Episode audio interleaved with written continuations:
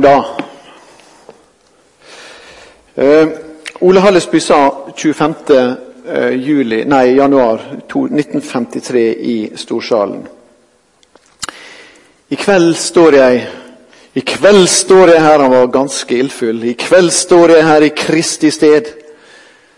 Jeg taler sikkert til mange i kveld som vet de er uomvendt. Du vet at om, om du stupte død om på gulvet i dette øyeblikk, så stupte du like i helvete. Hvordan kan du, som er uomvendt, legge deg rolig til å sove om kvelden, du som ikke vet om du våkner i din seng eller i helvete? Og Da skal vi gå tilbake til det som jeg i alle fall har kontroll på her, nemlig den her. Hvis det er her nede vi trykker på, og det er det. Og så trykker vi på lysbildeframvisning. Og så trykker vi på den. Nå har vi den?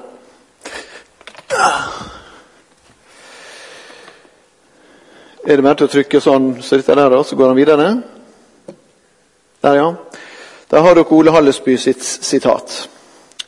Hvordan skal vi forholde oss til Bibelens budskap om helvete? Selv i våre sammenhenger eh, er det blitt en annen forkynnelse av det. Det er påvist. Det er blitt en annen type forkynnelse av det enn den som mange som fortsatt lever, opplevde kanskje i sin ungdom. Der det skjedde en endring i måten vi vekter det på. Og Spørsmålet er om det også har skjedd en endring i måten vi tror og tenker om det på. Ja, når vi som kristne skal se på det som har med helvete, fortapelsen, å gjøre, så må vi, så må vi gå til kilden eh, for den kristne trua. Eh, Og den, Kilden for den kristne trua får nå være Bibelen. da. Eh, I Bibelen så er det sånn at i Det gamle testamentet så er det i grunnen en veldig avdempa tale om alt som har med livet etter døden å gjøre. Det gamle testamentet er veldig tydelig fokusert inn mot på en måte vår vandring og vårt liv og vår relasjon til Gud og Guds velsignelse av folket og av mitt liv her og nå. Det betyr ikke at det ikke er et perspektiv utover, men ofte, vi, ofte kommer det perspektivet i det som vi regner som de sannsynligvis seinere tekstene, altså de relativt sett nyeste tekstene i, i Det gamle testamentet. I slutten av Jesaja-boka, kapittel 65 og 66, så har vi en del sånne her litt mer sånne universelle utsyn, og som også handler om at, om at Gud skal komme, og han skal dømme levende og døde, han skal skape alle ting nytt. Altså Det er et, det er et aktivt syn på at det er et liv etter døden. Eh, det har vi også i Daniels bok. Daniels bok 12,2 har vel det klareste ordet. for liksom Det er det ordet da de, alle de døde skal stå opp. Og de skal opp, stå opp til dom. Eh, til den ene og til det andre. Det er den eneste plassen egentlig vi finner det så helt tydelig uttalt i Det gamle testamentet. Eh, det, det hebraiske ordet for dødsriket er Sheol. Men dette ordet dødsrike det er liksom en fellesbenevnelse for, for på en måte det vi går til alle sammen når vi dør. Og Derfor så klager David og de andre salmistene over at du må ikke overlate meg til Sheol. Du må ikke overlate meg til dødsriket, dit vi alle går dit vi alle går. Bibelen er større enn Det gamle testamentet. og uh, I Det nye testamentet så, så møter vi noen av de som er Jesus samtidige. Og Fariseerne de, de, hadde et aktivt syn på at det var et liv etter døden. og At Gud, at, at Gud skulle, at Messias skulle stige fram, da, og at Gud skulle dømme levende og døde. Uh, og de overtok på en måte de ordene som du også finner i gresk på dette. Eh, og Ordet Sheol det fikk på gresk ordet Hades. Og Det kjenner vi fra den greske mytologien. Der er jo Dødsguden heter jo Hades. Eh, og Det er det dødsriket der denne her båten går over. Over, over elva inn til dødsriket. Hades. Men i den jødiske tru så var det også sånn at dødsriket nå når vi kommer til Nytestamentet etter Jesu tid, så tenker jeg at dødsriket var delt i to. Det var Hades, som var dødsriket for de som ikke kjente Gud og hadde med Gud og ikke, ikke var i relasjon til Gud. Og så var det Paradeios, og det kjenner vi igjen. ikke sant? Paradis. Paradeios for de som, de som kjente Gud. Dette kan vi gjenkjenne fra en fortelling i Bibelen i Lukasevangeliet, det 16. kapittelet om Lasarus og den, den, og, den, eh, altså, og den, rike mannen. ikke sant? Og der går det, eh, det står, eh, Da står det at, Las, at den rike mannen går til Hades. Og Lasarus det står ikke det paradeias, men han går til Abrahams fang, som på en måte er et bilde, en metafor for det gode som han har. Eh, og Her har du denne, denne todelinga som de går til. I en lignelse, men det er jo dog en lignelse for noe. Så var det en gruppe på Jesu tid som het sadukerene, som dere vet. De, eh, vi sier av og til de var si tids liberalteologer. Det kan godt hende de var på ulike måter. De var iallfall satt ved makta på mange ting eh, under romerne. Eh, og de trodde ikke på noe liv etter døden. og Det husker vi fra Jesu fortelling, der de kommer til han og sier det var en mann som gifta seg med meg, og så døde hun, og så gifta han seg med, dat, med ikke dattera, med, med søstera. Så døde hun, og så gifta han seg, så ble det sju stykker. Hvem av dem skal han holde seg til i det evige riket. Og Jesus var ikke muslim, så han svarte ikke alle. Men, eh, men han, han, svarte det han svarte. Men det var sadikerene som satte ham på prøve, for de mente at det fantes ikke noe sånt som et liv etter dette. Så dette det er sånn som vi er kjent med også fra, også fra Bibelen. Eh, hvis vi tar litt til fra Bibelen, så er det Jesus han er den som Dette her er det som sjokkerer en del, fordi vi er liksom vant til å eller ikke vi, da, for vi, vi er ikke av den holdning og det syn. Men, men, rundt omkring i kirkelandskapet så er det litt sånn på Paulus. Ikke sant? Mm -mm. Ikke bra. Og så er det litt sånn på Jesus. Veldig bra. Eh, men saken er at Paulus er en pingle i forhold til Jesus her. En skikkelig pingle i forhold til Jesus. Det er Jesus som desidert er klarest når det gjelder spørsmålet om eh, den evige fortapelse i, i Bibelen. Du får det i sterke bilder også i Johannes' åpenbaring. Men bare i Matteusevangeliet, som jo har en spesiell adresse sannsynligvis inn mot, jødiske, inn mot eh, et jødisk miljø, så snakker Jesus eh, det vi kan forstå 13 ganger ganske klart om eh, det som har med fortapelsen å gjøre. Eh, 13 ganger. Det er ikke lite, det. Eh, og Budskapet som Jesus kommer med, det er jo i veldig stor grad retta mot de som kjente budskapet eh, mot de som avviser det. Og det, det er bundet opp i veldig stor grad med, med advarsler mot de sjøltrygge. Et budskap i veldig stor grad, ikke bare det, men i veldig stor grad, en god del tyngdepunkt av budskapet er retta innover mot de som tror at en har det rett med Gud. Men som jeg sa, eh, også andre tekster av allmenn karakter om dommen som møter alle. F.eks. domsscenen i Matteus 25. La oss gå litt tettere inn på dette. Uh, og ta det, uh, ta det litt grann, De uttrykkene som Jesus bruker hos Matteus. For Han bruker diverse uttrykk hos Matteus på dette med, med fortapelsen. Uh, han bruker ordet 'helvete'. det er det er et norrønt ord. Helviti. og vi har også, I norrøn mytologi så har vi også hel, ikke sant, som er dødsriket. Eh, og dette ble da oversettelsen av et, av et ord på arameisk som heter gehenna. Og dette ordet gehenna, som vi leser jo i, i den greske bibelen tenker jeg, Ja vel, hvordan skal vi oversette det? Og så oversatte jeg det veldig tidlig som helviti, og så ble det helvete. Eh, men gehenna, det betyr, sånn rett oversatt, så betyr det Hinnomsdal. Og Dere som har vært i Israel og Jerusalem, dere vet jo noe om hvor Hinnomsdal er henne. Den ligger like utafor, like byen, og det gjorde den den gangen òg. Og den gangen jødene inntok byen, så drev kananittene med en avskyelig ofring av barn på denne plassen. En avskyelig ofring av barn. Så det var en urein plass som jødene holdt seg unna. Og På jødene tid så ble det brukt som en søppelplass. Der ilden alltid brente. da, altså fordi, at det var, fordi at det var søppelplass, og det var en urein plass. For den var så djupt vanhelliga av kanonittene. Dette uttrykket bruker Jesus sju ganger. Tre ganger i bergpreika, og han bruker det to av gangene direkte til fariserene. Og kanskje, det var sånn etter det, ja, De for så vidt kjente alle, men du har dette her, i 10-28 Frykt ikke de som kan slå kroppen i hjel. Eh, men frykt han som kan slå både kropp og sjel i hjel, og, eh, og, og, og sier 'gi deg over til helvete'.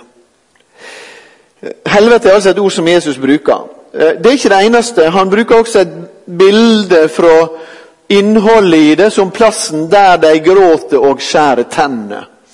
Og Det er også et sånt et gripende, et sånt skjærende uttrykk. Seks ganger bruker han det i Matteusevangeliet. Og de, Hvis du går etter de gangene, så er det mest om de som regner seg innafor. Det er mest til de han bruker dette uttrykket som en advarsel. Det er om tjenere veldig ofte, utru tjenere og, og slike typer ting. Mørke utafor, det, det, stemmer jo ikke bildet lenger. Sant? fordi at På ene sida har du ildbildet, og på andre sida har du mørkebildet. Og Det viser jo at, at her, det konkrete det som nevnes her, som liksom har en sånn fysisk gestalt for oss, det er ikke nødvendigvis det som er poenget til Jesus, ild eller mørke, men det er jo nettopp utafor som er selve hovedsaken. Mørke utenfor. Det brukes konsekvent om slike som regner seg innafor. Konsekvent om det. Og Det siste ordet som jeg tar ifra, ifra Matteus, det er fortapelsen. Det brukes bare én gang i, hos Matteus, dette ordet eh, fortapelsen. Men der brukes det også i tilknytning til det som er dagens tema. Eh, brei er den veien som fører til fortapelsen, og mange er de som går på den. Mange er de som følger den. Vi tar et siste lite kapittel på Bibelen her. Det er jo viktig for oss, det. da. Og Så skal vi gå litt inn og se litt på noen av tingene etterpå. Litt til på Bibelen, bare for å få med oss hva, hva sier det øvrige Nytestamentet om dette. Eh, apostlene, skal vi kalle det, de er ikke tilbakeholdne på budskap om at Gud skal holde dom. Men de er veldig tilbakeholden på utbroderinga av det. Og du kan si Deler av vår tradisjon, eller deler av vekkelsestradisjonen, har jo også hatt en slags utbrodering av helvete. Og Kanskje noen av oss også tenker at, at, at Hallesby også kanskje kunne gått et hakk kortere i metaforbruken sin, i måten han omtalte det på den dagen i 1953. Men en annen tid, og vi hadde uansett ikke sagt det kanskje på akkurat samme måten i dag. Men budskapet er jo like klart. Apostlene har et like klart budskap på det, tydelig på dommen. Og En av de mest klassiske tekstene i Bibelen er jo andre Tessalonikerbrev. Um, der Paulus, hvis noen skulle tvile på hva han forkynte her, forkynner veldig, veldig tydelig saka. Eh, så skal det gå når Herren Jesus Kristus åpenbarer seg fra himmelen sammen med englene sine i makt og velde. Han kommer med lågende eld og straffer de som ikke kjenner Gud, og som ikke er lydige mot vår Herre Jesu evangelium. Straffa deres skal være ei evig fortaping, borte fra Herrens åsyn og fra Hans herligdom og makt, den dagen Han kommer og skal prises av alle sine hellige. Utbroderinga er jo sterkere i eh, Johannes' åpenbaring, det skal ikke vi gå inn på her. Men det som er veldig sånn tydelig i Johannes' åpenbaring, er jo at dette er noe som er tilegnet av Guds fiender. Og Det er veldig klart at det er Satan og hans ånde her som er de primære adressatene for helvete. Ikke den eneste adressaten for fortapelsen. Jeg bruker lite ordet helvete, bare sånn at det er sagt. Jeg bruker helst ordet fortapelsen. Jeg føler det er et bedre ord å bruke. Ikke for å tildekke en realitet, men ordet helvete er blitt så ødelagt i språket vårt. Derfor vegrer vi oss også for å liksom si navnet på dette seminaret. Fordi at ordet helvete har fått en sånn ekkel klang i munnen vår, også fra dagligtalen, slik den er i Norge. Så jeg liker helst å snakke om, om fortapelse. Den evige fortapelse. Eller liker er vel ikke et rett ord, men det er foretrekk å bruke som ord. da. Uh, men også med adresse til mennesker, sånn som i domskapitlet i åpenbaringa kapittel 20. Da. Og De ordene som ellers brukes gjerne, det er jo, eller vanlige ord, da, det er Guds straff, Guds dom, Guds vrede. Og Alle disse ordene her, Guds straff, og Guds dom og Guds vrede, har en veldig tydelig bakgrunn i Det gamle testamentet. Og De brukes gjennomgående i hele Det nye testamentet. Hvis vi skal si noe oppsummerende om det bibelske her, så, eh, så vil jeg si at dommen og Nå kommer det et fremmedord, det skal jeg forklare. altså. Men dommen, både det, det som har med frelse og det som har med fortapelse å gjøre, den er teosentrisk. Og dere forstår det jo, for sentrisk betyr det et eller annet som er i sentrum. Og teo, det har med teos og teologi og alt det der å gjøre. Gud, altså. Eh, det er Gud som er i sentrum for dommen. Det er han som er herre over dommen. Eh, det er mange som har en sånn forestilling, og den er blitt skapt på ulike måter. Vi skal komme litt tilbake til, til Dante Alighieri fra middelalderen etterpå. Men det er blitt skapt en del sånne folkelige forestillinger om mann, million eller med, med eller hva han nå måtte ha. At måtte, himmelen er Guds sak og helvete er djevelens sak. Men Det er ikke det bibelske synet på spørsmålet om frelse og fortapelse. Bibelen er helt tydelig på at, på at både frelse og fortapelse hører Gud til. Det er Han som råder i dommen, helt og fullt. Og Først og fremst er fortapelsen tilegna djevelen. Det er ikke hans lekegrind, det er hans straff, det er hans dom og skjebne. Gud er herre i dommen. Uh, det andre som vi kan si litt sånn oppsummerende, er at Guds vilje er retta mot å frelse. Men det er alltid slik at vi kan sette oss opp mot Gud. Vi kan gå imot Gud um, og få vår egen vilje, så å si. Slik at vi rammes av dommen. Dette er jo klart i 2. Peters brev, der han sier å Gud er så tålmodig med dere. Det er derfor, derfor Jesus ikke har kommet igjen. Dere vet dette med 1000 år og én dag og andre veien. Det er rett og slett Han er tålmodig med dere, for han vil ikke at noen skal gå fortapt. Men altså, Det er horisonten, at det er fullt mulig. Men han vil jo ikke at noen skal gå fortapt. Og også det vakre i 1. Timoteus 2, der han sier at han som vil at alle mennesker skal bli frelst og lære å kjenne sannheten. Det er ingen tvil om hvor tyngdepunktet i Bibelen ligger på Bibelens vilje. Så har vi da eh, Det siste som jeg vil ta sånn oppsummerende her, det er at domsbudskapet er et bakteppe for det som er dominerende. og Dette henger sammen med punkt to. Det dominerende er frelsesbudskapet. Jeg vet ikke hvor bevandra dere er i Koranen, men jeg har lest en god del i Koranen. Og Det som slår meg når jeg leser Koranen, det er at den er veldig, veldig fokusert på den straffende, drepende, dømmende, fortapelsessendende Gud. Det er på en måte et av de mest tydelige trekka ved Gud. Eh, og de har jo heller ingen aktiv djevel på samme måten innenfor, innenfor islam som vi, det, på, som vi, har det innenfor den kristne tru. Så en muslim vil jo tilbakeføre alt av godt og vondt på mange måter til Gud, og så er det Gud er den allmektige.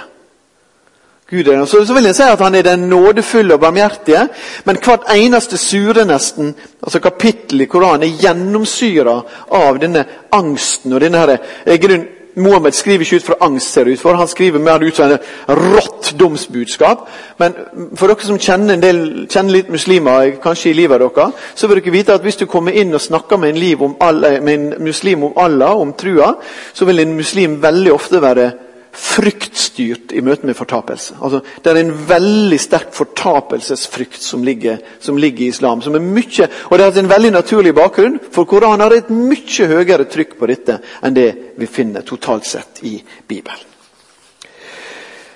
Jeg sa at uh, det er en som har forma bildene våre. Han heter Dante Algeri. Han levde i middelalderen, og han, uh, han skrev jo den guddommelige komedie og, eh, og, Han skrev dette her om inferno. og Inferno det betyr jo det er et eh, latinsk ord for helvete. Ehm, Dantes visjon av helvete. Dette er eng på engelsk. da. Og så er det da Oppe til venstre der så ser dere porten til det himmelske. Og alle som ikke går inn gjennom porten til det himmelske, er på et eller annet stadium av disse ni circles, eller ni områder som utgjør helvete. Og En voldsom teori og teologi om det. Og Nederst ser dere også da Lucifer, djevelen, som står der og på en måte er herre i dette riket. Og Langt oppe så ser dere også det noe som heter limbo. Eh, og Det er de, det står under circle one the unbaptized og, og pagans, altså de hedningene som ikke har hørt evangeliet, og de udøpte. Som det er denne limbotilværelsen som ingen egentlig helt kan definere. Ikke kom de inn, og ikke ryker de helt ut, på en måte. Nå har Den katolske kirke forlatt den læra, men det er opp til ganske nylig. den. Men dette farger veldig den folkelige forestillingen om helvete. Ikke bare i katolske land, men også hos oss. Hos folk der ute som i det hele tatt husker at det var snakk om helvete i bedehus og kirke. Det de husker, det er veldig ofte sånne forestillinger. Sånne forestillinger. Som ikke har noe med Bibelen å gjøre.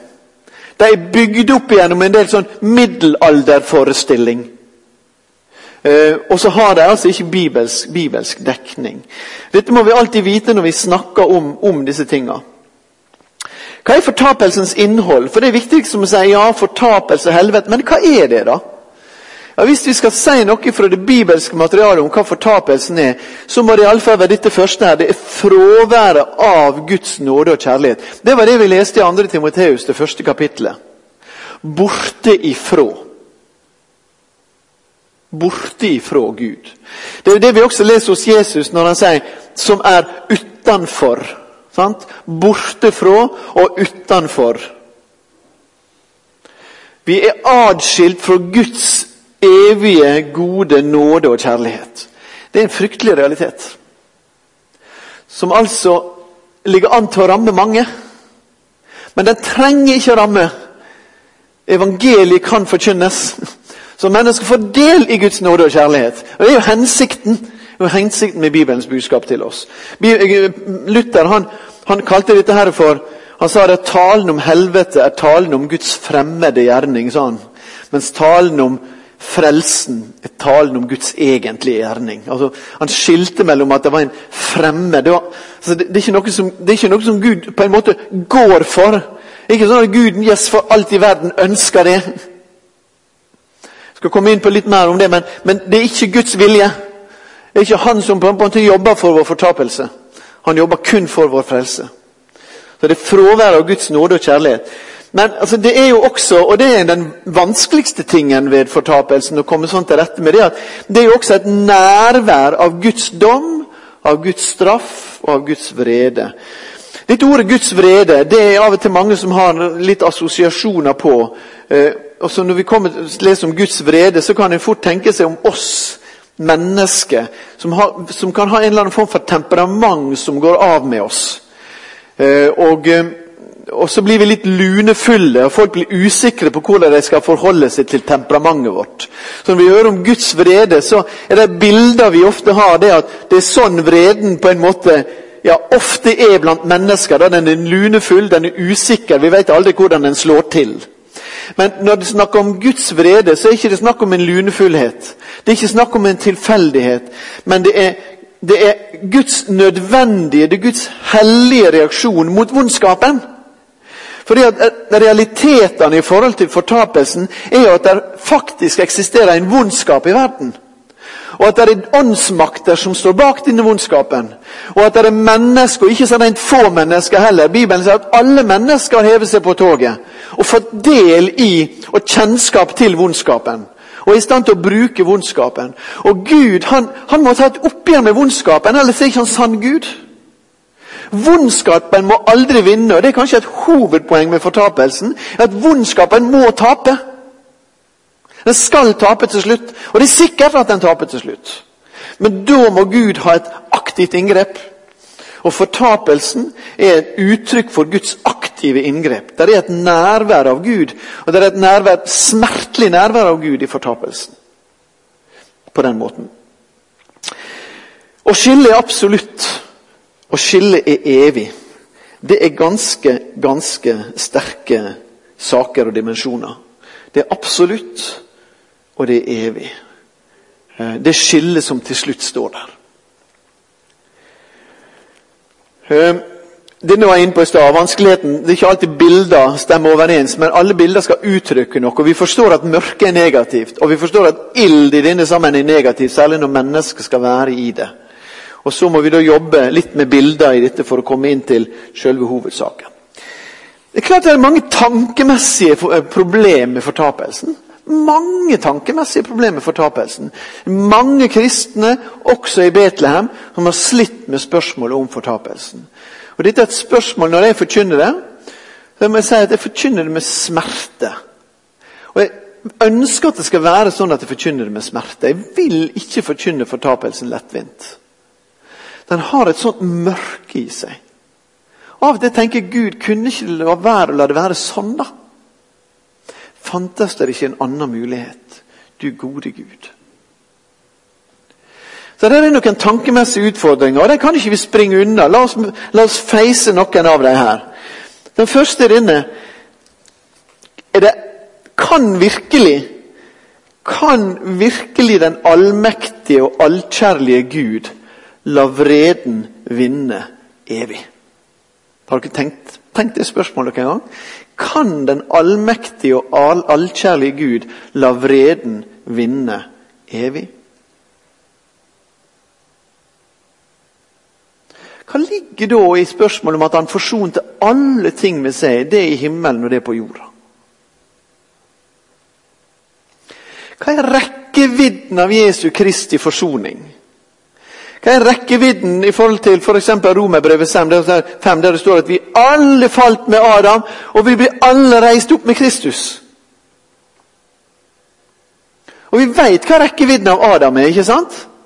Det var ikke bare sånn at vi alle har potensial til å falle i Adam, men vi alle falt i Adam. Men med Jesus Kristus så vet vi at det totale budskapet i Bibelen, når det står at alle reises med Han, så er det at vi alle reises potensielt med Han, men det er mange som ikke vil følge Han, det er mange som ikke vil tro på Han. Men så kan den allmektige og allkjærlige Gud la vreden vinne evig. Et tankekors. Et tankekors for meg. Jeg skal komme tilbake til noe av det senere. Jeg skal ta to punkt til tror jeg det er på denne, på denne sida der. Og Det første er dette er timelige synder, som de du og jeg er, er timelige synder dimensjonert for evige straffer. Ja, er det slik at mine forgåelser, mitt liv her, slik jeg lever det, er det virkelig slik at jeg som er et dødelig menneske innenfor denne verden, eh, kan pådra evige konsekvenser? Og Bibelen svarer jo ja på det spørsmålet, fordi at nettopp du og jeg som menneske, vi har fått lagt Guds bilde i oss. Han har lagt evigheten i våre hjerter.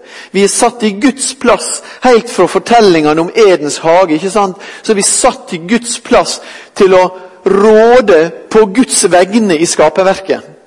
Det er noe helt, helt eget med mennesket. Apekatter blir ikke stilt til, til, til ansvar. Hester blir ikke stilt til ansvar. Meitemarken blir ikke stilt til ansvar. Men det er mitt og ditt privilegium. Det er min og de, min og de krone, på en måte. Når Gud skapte meg og deg, når han skapte oss, da skapte han til å være menneske i gudlikhet. Skapt til Guds relasjon, skapt til å kommunisere med han, skapt til å råde på vegne av han. Det er ganske sterke ting Gud legger inn innover oss i våre liv. Og Nettopp fordi vi har fått del i dette at vi har, bærer Guds bilde, så skal vi også stå til ansvar som om vi har Guds bilde. Vi skal stå til ansvar overfor Gud i forhold til det. Men det er, det er et tøft spørsmål, og det er ikke et helt selvsagt spørsmål, eller svar på spørsmålet. Hva er forholdet mellom fortapelsen som vårt valg og Guds dom? Hva er forholdet mellom det?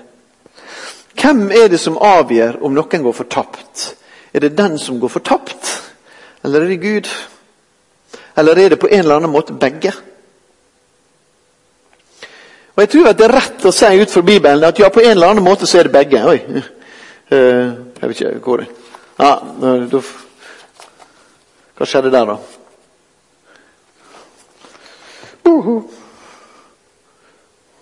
Det var ille. Ja, ja. Eh, er det vårt valg, eller er det Guds dom?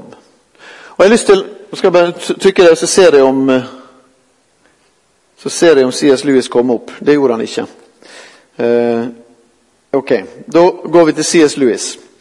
Jeg har noen bøker med meg. C.S. Lewis han sier i denne boka her, som en drøm. Han kaller den en drøm eller en fabel. Den heter 'Den store skilsmissen'. Den kom ut igjen på nytt i fjor. nytt opptrykk. og Den anbefaler dere gjerne å, å, å, finne og lese. Det handler rett og slett om en kontingent mennesker som reiser med en buss fra det mørke, grå eh, helvete. Eh, og skulle få komme og, og, få reise med en buss i en reise til de kommer i en slags himmelens forgård. Eh, og Hovedpoenget er at alle føler seg fullstendig fremmede. her, Hva gjør de her, og her vil de helst vekk ifra.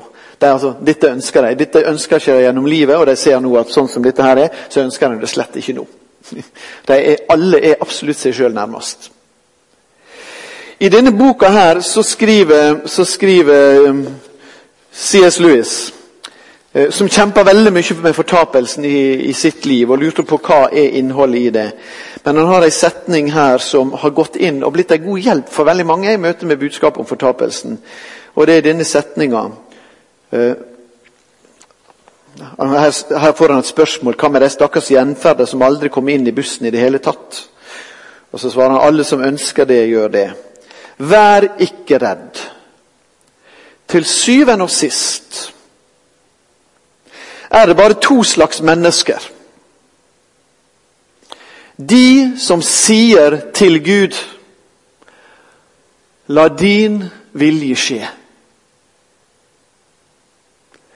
Og de til hvem Gud sier La din vilje skje. Tok dere den? Til syvende og sist er det bare to slags mennesker. De som sier til Gud, la din vilje skje. Og de til hvem Gud sier, la din vilje skje. Det vil si, vil du ikke ha med meg å gjøre, så skal jeg ikke tvinge deg til det. Der er på en måte Gud. Eh, og Det kan være et nyttig eh, holdepunkt å, å knytte seg til. Skulle gjerne kommet opp igjen her, men jeg vet ikke hvordan det kommer opp igjen. Uh, jo, oi, Der kom det fram noe forrige. Ah, nei, det gjorde ikke det.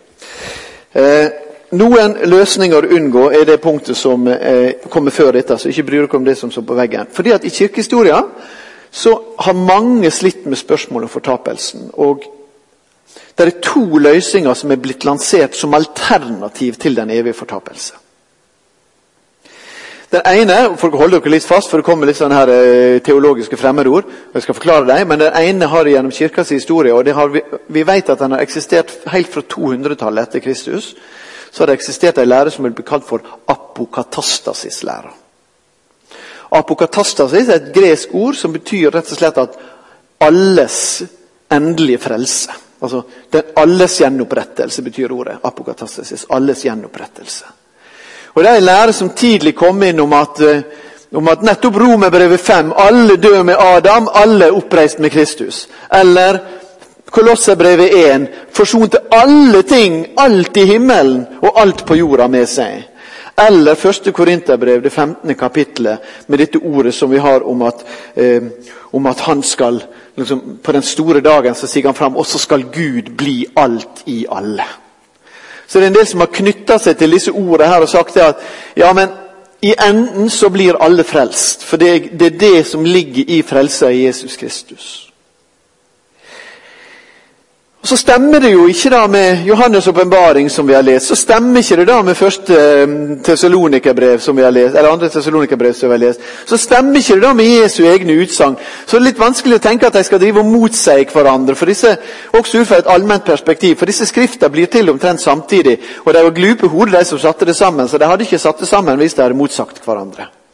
Så på en eller annen måte har Kirka fra første stund tenkt at dette motsier ikke hverandre. Der er en allmenn frelsesvilje hos Gud. Og der er en allmenn mulighet for mennesket til å avvise Guds frelse. Stå imot, trekke seg unna. Læra om at alle ting blir gjenoppretta til slutt, den holder ikke. Jeg var, et, jeg var, i en menighet i Oslo og talte over dette for noen uker siden. Da satt en av prestene rundt ene bordet etterpå de hadde gruppesamtale. og Den gruppa sa da jeg hadde hatt noe av det samme som jeg har her, og så sier denne gruppa tilbake her, ja, det var så fint å ha presten her, for hun sa Det var ei hun, det, da. Det kunne være en han, så, men altså det var hun. For hun sa det at vi må ikke være opptatt av himmel og helvete, vi må være opptatt av dommen. Og budskapet om dommen er at alle blir frelst til slutt. Det var litt spesielt å oppleve å bli motsagt av presten i, i en sammenheng der man vet dem forkynne, men det er nå så. Eh, hun har ikke Skriften med seg. En ting er at hun ikke har bekjennelsen med seg, det har hun definitivt ikke. Men, men det får så være. Den skal stemme skriften for at vi skal holde oss til den. Men hun har ikke Skrifta med seg. Eh, har ikke Skrifta med seg. Det andre kalles for annihilasjon. Eh, og det, ut, det betyr utnulling. Utnulling. Eh, det er det som ja, Det, det oppsto, så langt vi kjenner til, litt etter reformasjonen. Eh, og det har vært veldig framme, ikke minst hos adventistene, som lærer at jo, det blir et klart skille i dommen mellom dom og frelse. Mellom, eller frelse og fortapelse. Men, eh, men, men fortapelsen er evig død. Og død betyr utslettelse.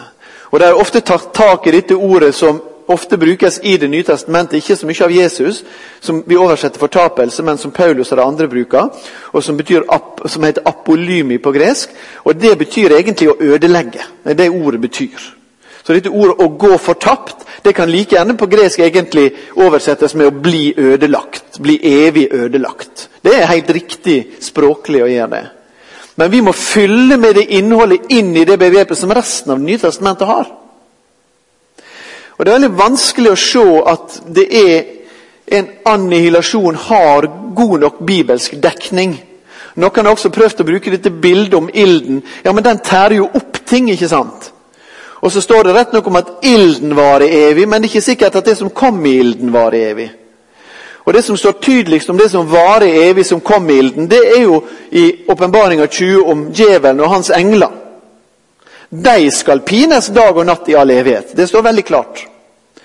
Um, og Likevel så er det ingen grunn til å si det at Det nye testamentet forkynner en utslettelse i dommen. Vi kan håpe det, Jeg tror knapt nok vi kan be om det, på sett og vis, men, men, vi kan håpe det. Naturligvis går det an for et fromt menneske å gå rundt og håpe det. Det er en god tanke for sine medmennesker å håpe det. Men vi kan ikke agere som om det er slik. Vi må forholde oss til at uh, dommen er reell og, har, og er evig også i sin konsekvens. Eh, og vi må kalle mennesket til frelse og omvendelse, så de unngår dette som altså allerede den rike mannen uttrykker i lignelsen. Det er et fryktelig sted å være, i ilden. Og det er tydelig at han har ikke brent opp, så å si. Noen holdepunkt, og da har vi kommet til dette siste her. Eh, aller siste arket, med, eh, som jeg har her. Det er noen ting som er viktig for meg når jeg møter dette budskapet og forkynner dette budskapet. Eh, det ene er at når det gjelder å tale om Gud, så er det ofte en svær og vanskelig sak. Fordi at det er lett å snakke om hverandre. Eh, det er lett å snakke om det vi ser, det er lett å snakke om det vi kan ta på. Men Gud er av vesen den evige, ikke sant? Han er av e, vesen den evige. Evig i styrke, evig i liv, Evig i opphav, evig i majestet. Tygg litt på det da, tygg litt på det jeg sa nå. Det var, det var, masse ord.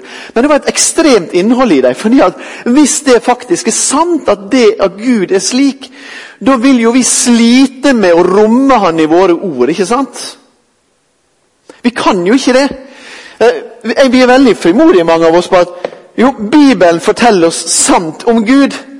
Men ingen av oss har lov til å si det at Gud er pakka inni denne boka her, og liksom der har vi han. Ikke sant? Gud er nødt til å være større enn ei bok, ellers vil ikke jeg tro på han. Men det som er sant om han, står i denne boka. Og det kan jeg forholde meg til. Og Det er det vi kan kalle den åpenbare Gud. Men det er mange sider ved Gud som kan være skjult for oss. Det er et av smertepunktene ofte gjennom Bibelen. I Jesaja 45. Sannelig, du er en Gud som skjuler deg. Ikke sant? Du er en Gud som skjuler deg. Det Smerten for jobb er egentlig ikke den smerten som man får, men at Gud holder seg borte og er taus i møte med han. Det er det som er smerten til jobb. Guds skjulthet. Veldig veldig ofte en smertefull sak i livet vårt. Og den må vi leve med. Men vi er også gitt å leve med den Gud som har åpenbart seg.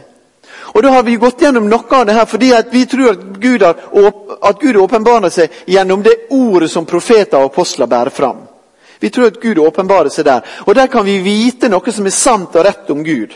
Og Hvis jeg har lagt ut Guds ord rett nå og forklart disse tingene rett, så er det noe vi kan forholde oss til fra den åpenbarte Gud. Men jeg har også lyst til å si det at Bibelen viser oss at høydepunktet og kjerna i det å åpenbare Gud, det er jo at Jesus Kristus blir menneske og lider og dør for vår synd og står opp igjen fra de døde. Er det noe som er høydepunktet i Guds åpenbaring av hvem han er, så er det Jesus. Den som har sett meg, har sett Faderen, sier Jesus. Og jeg tenker I møte med dommer det er noe av det viktigste jeg har å forholde meg til. For jeg vet at han som skal dømme levende og døde, det er Jesus. Og jeg ser hvordan han gikk rundt på jorda. Jeg ser hvordan han møtte mennesker på jorda. Og, og, han vil jeg møte i dommen. For mitt eget liv, for mitt bare liv vil jeg møte han i dommen. Det er akkurat han jeg vil ha. Og jeg tenker det at det er garantien, er garantien for at det som skjer i dommen, er rett. Det er at det er Han som er i dommen. Han som har åpenbart for oss hvem Gud er. Eh, det andre punktet han down her, men det andre punktet er at vi er tids- og stedbundne. Naturligvis, vi er det. Vi er skapt. Og jeg tenker meg at det er litt av, den, det er litt av Guds vesen at han kan ikke binde oss. På toppen han sier det så fint om, om dåp og nattverd. ikke sant At Gud har bundet oss til dåpen, men Gud sjøl er ikke bunden. Og sånn sett kan vi få bruke den som den Guds gave den er, og med de løfter som er gitt til den, og tro alt som Bibelen sier om det. Og samtidig så kan vi vite det at Gud har bundet oss til det, men Gud sjøl Ingen har lov å binde Gud. Ingen har lov å binde Gud. Ingen kan det. Eh, og Det er noen sånne små holdepunkter. Der er et lite holdepunkt. Aksel Valen Senstad, som jo er en kjent teolog i disse kretser, han holder dette også fram i truslæra si. For han sier det kan godt hende der er en åpning. Vi kan ikke bygge mye teologi på den, sier han, og det er jeg enig med han i.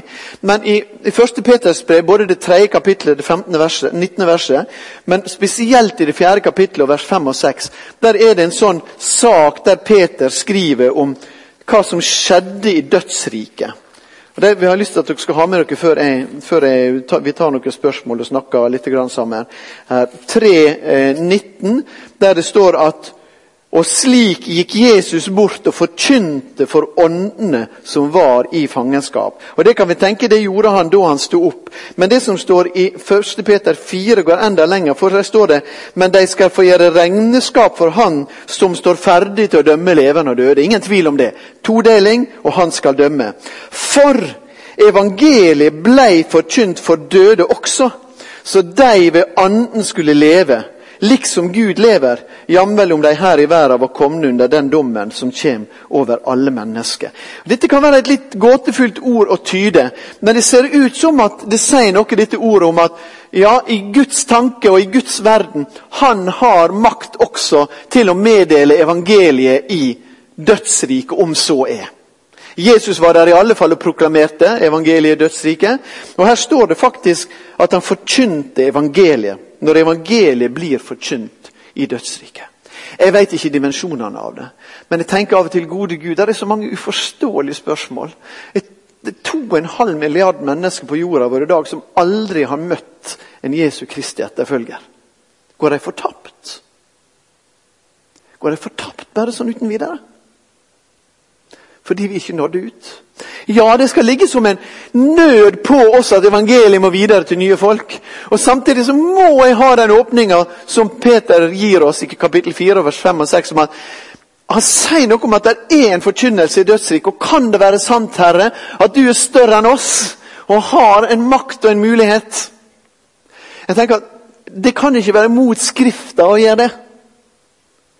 Um, jeg kan ikke bruke det som en motivasjon for å la være noe. Jeg kan ikke si at det er sånn engang, fordi at det er ikke så breit grunnlag. Men det er noe som sier ja vel, Gud, men du er iallfall alltid større. Du er i alle fall alltid større. Og Det siste punktet mitt er det jeg vil kalle jeg kaller det her for dommens nødvendighet. Jeg kunne kalt det for dommens evangelium, men det er kanskje et litt sterkt ord. Men jeg tenker også at det er bra at Gud skal holde dom. Hva mener jeg med det? Hva mener jeg med at det er bra at Gud skal holde dom? Ok, Jeg mener for det første at hvis vi skal få et skikkelig oppgjør med vondskapen som preger denne verden, som har preget den all tid når det har vært mennesker skal vi få tatt et oppgjør med vondskapen som så sterkt råder i verden, så må Gud ta det oppgjøret. Gud må ta det oppgjøret. Det er så mange jordiske regnestykker som ikke går opp. Vi driver misjon i Kambodsja. I løpet av tre og et halvt år tok Pol Pot livet av to millioner mennesker i Kambodsja. Ca. 20, kanskje 25% av befolkninga. De fleste av dem kjenner ikke noe annet budskap enn gammel buddhisme.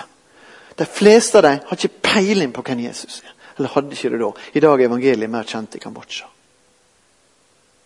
Så spør jeg meg er universet av en slik art at Pol Pot på en måte bare skal gå fri.